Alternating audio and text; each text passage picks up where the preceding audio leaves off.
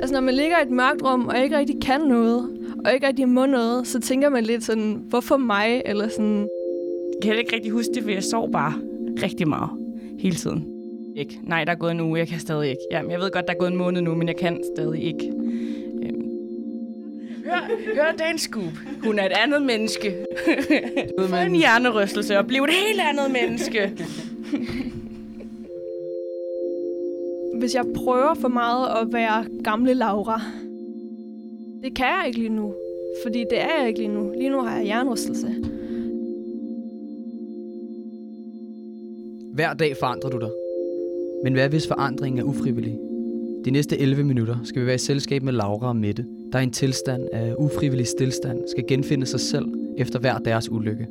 En ulykke, der forårsagede en hjernerystelse, der ikke blot rystede hjernen, men ligeledes deres selvopfattelse. Kan man ændre sig og stadig være den samme?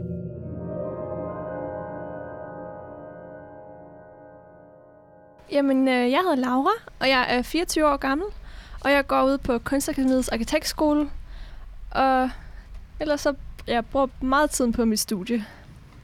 Så alt er normalt, Ja, lige undtagen ja. det sådan, faktum. At jeg har hjernerystelse. Ja.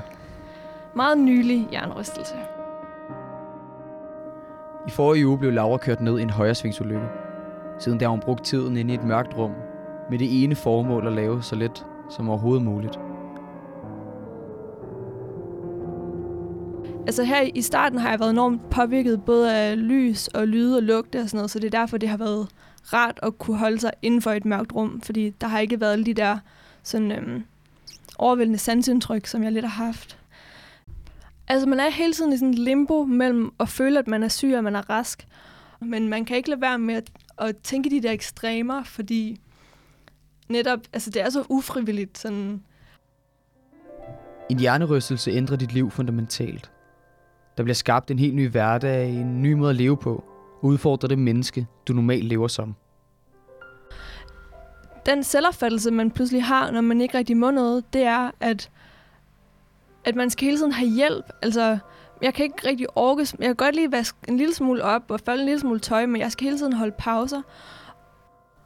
Og altså, jeg elsker at tage billeder, for eksempel. Jeg kan rigtig godt lide at gå rundt og fotografere og fordybe mig i det, og jeg kan godt lide at læse, jeg kan godt lide at sådan, til film. Jeg, generelt sådan, kan jeg bare godt lide at sætte mig ind i ting, altså hvis jeg lige bliver fanget af noget. Det der med at vide, at man ikke sådan kan finde nye ting og blive inspireret af, og, og altså, det påvirker en selvopfattelse, at man ikke er så fri til at gøre alle de ting, man, man lidt tager for givet, at man kan.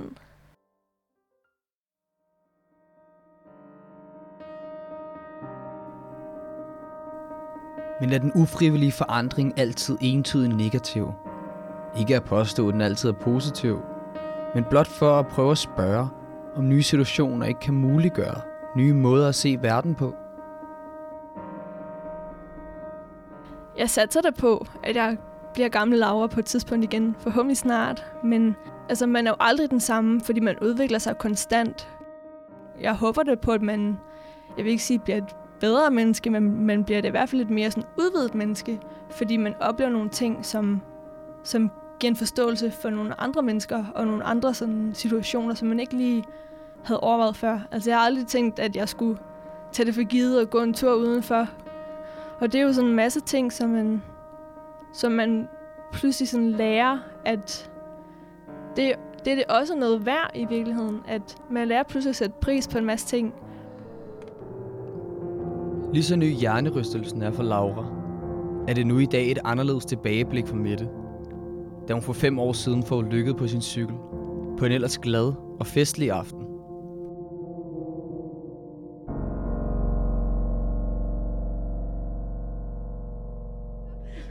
Hør, den scoop. Hun er et andet menneske. Den dag i dag Få, få, en, få en hjernerystelse og blive et helt andet menneske. jeg hedder Mette, og jeg øh, studerer designkultur på Syddan. Eller jeg er faktisk lige blevet bachelor i designkultur. Og så øh, er jeg rigtig stor tegneserienørd og tegner rigtig meget.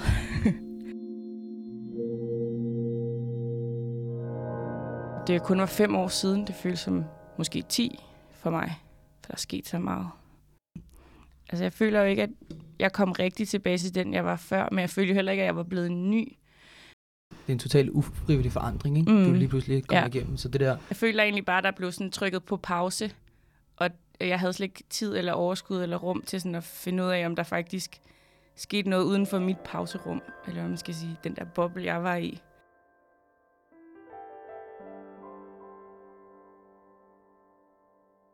Det var meget hårdt på én gang, ikke?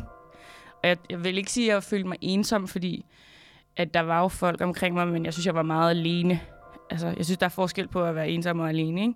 Men, men altså, ens hjerne begynder at lave alle sådan nogle historier. Man går og taler meget med sig selv, og man bliver sådan måske lidt underlig at være rigtig Kender I det, når man har været rigtig længe alene derhjemme nogle dage, så kan man godt begynde at blive sådan lidt underlig, og man har behov for at gå ud og tale med nogen.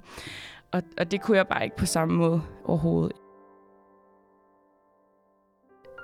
At jeg havde ikke gjort det frivilligt. altså, jeg savnede virkelig meget, at bare kunne gå ud og være mig igen. Fordi jeg følte, jeg følte ligesom, der var nogen, der havde sat sådan en, nu kan du gå her til og ikke længere. Du må ikke være sammen med folk, du må ikke være en del af det her lige nu. Lige nu er du slet ikke en del af vores samfund. Og, sådan, og jeg var ret urolig for, om der var kommet sådan en permanent skade. Så da det begyndte at blive bedre, var jeg også bare sådan, yes, nu sker det.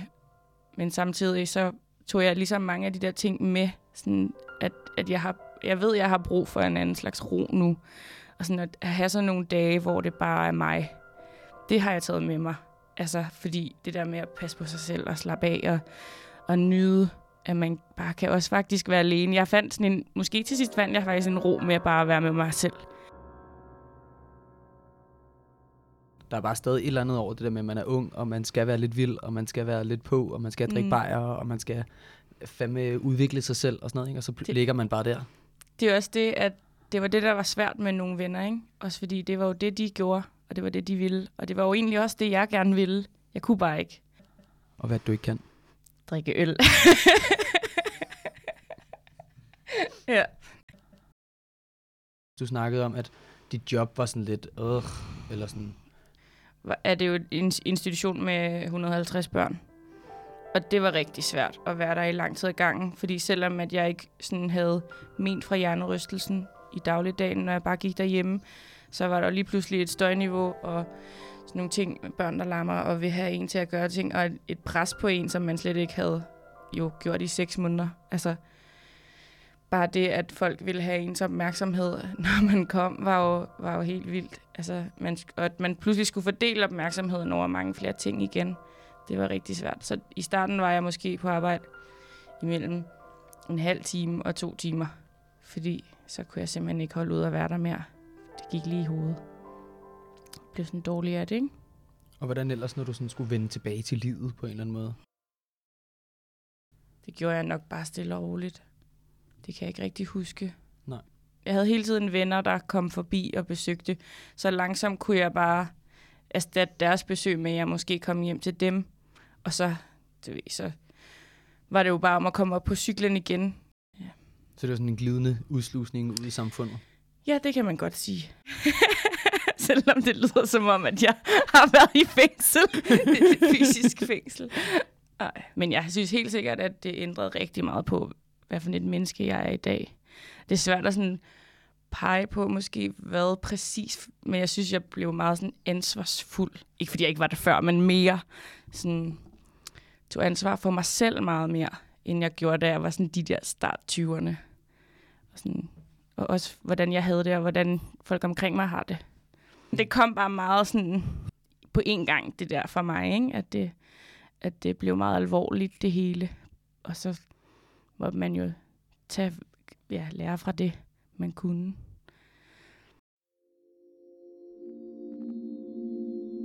Hver dag forandrer du dig. Øh, lige efter da jeg blev ramt, så var jeg meget sådan konfus. Jeg vidste ikke rigtig, hvad der var sket. Men jeg, jeg er ikke øh, sikker på, om jeg besvimede eller ej. Det tror jeg ikke, at jeg gjorde. Men øhm, der var... Vi snakker om forandring som noget positivt. Noget, der skaber os som mennesker. At jeg havde ikke gjort det frivilligt. altså, jeg savnede virkelig meget, at jeg bare kunne gå ud og være mig igen. Vi drager afsted på dannelsesrejser. Så der er en masse ting, hvor man sådan skaber sin egen identitet igennem, som man pludselig ikke kan længere. Vi uddanner os igennem livet. der er jo ikke noget at gøre. Du er jo, du er jo gået i stykker, så du må bare blive hjemme. Men hvad hvis forandringen er ufrivillig? Hvis jeg skulle gå rundt og tænke på, sådan, hvad det har betydet for mig hele tiden, så tror jeg også, jeg vil blive lidt begrænset af det. Kan man ændre sig og stadig være den samme? vil du helt alvorligt sige, at jeg skal svare på det?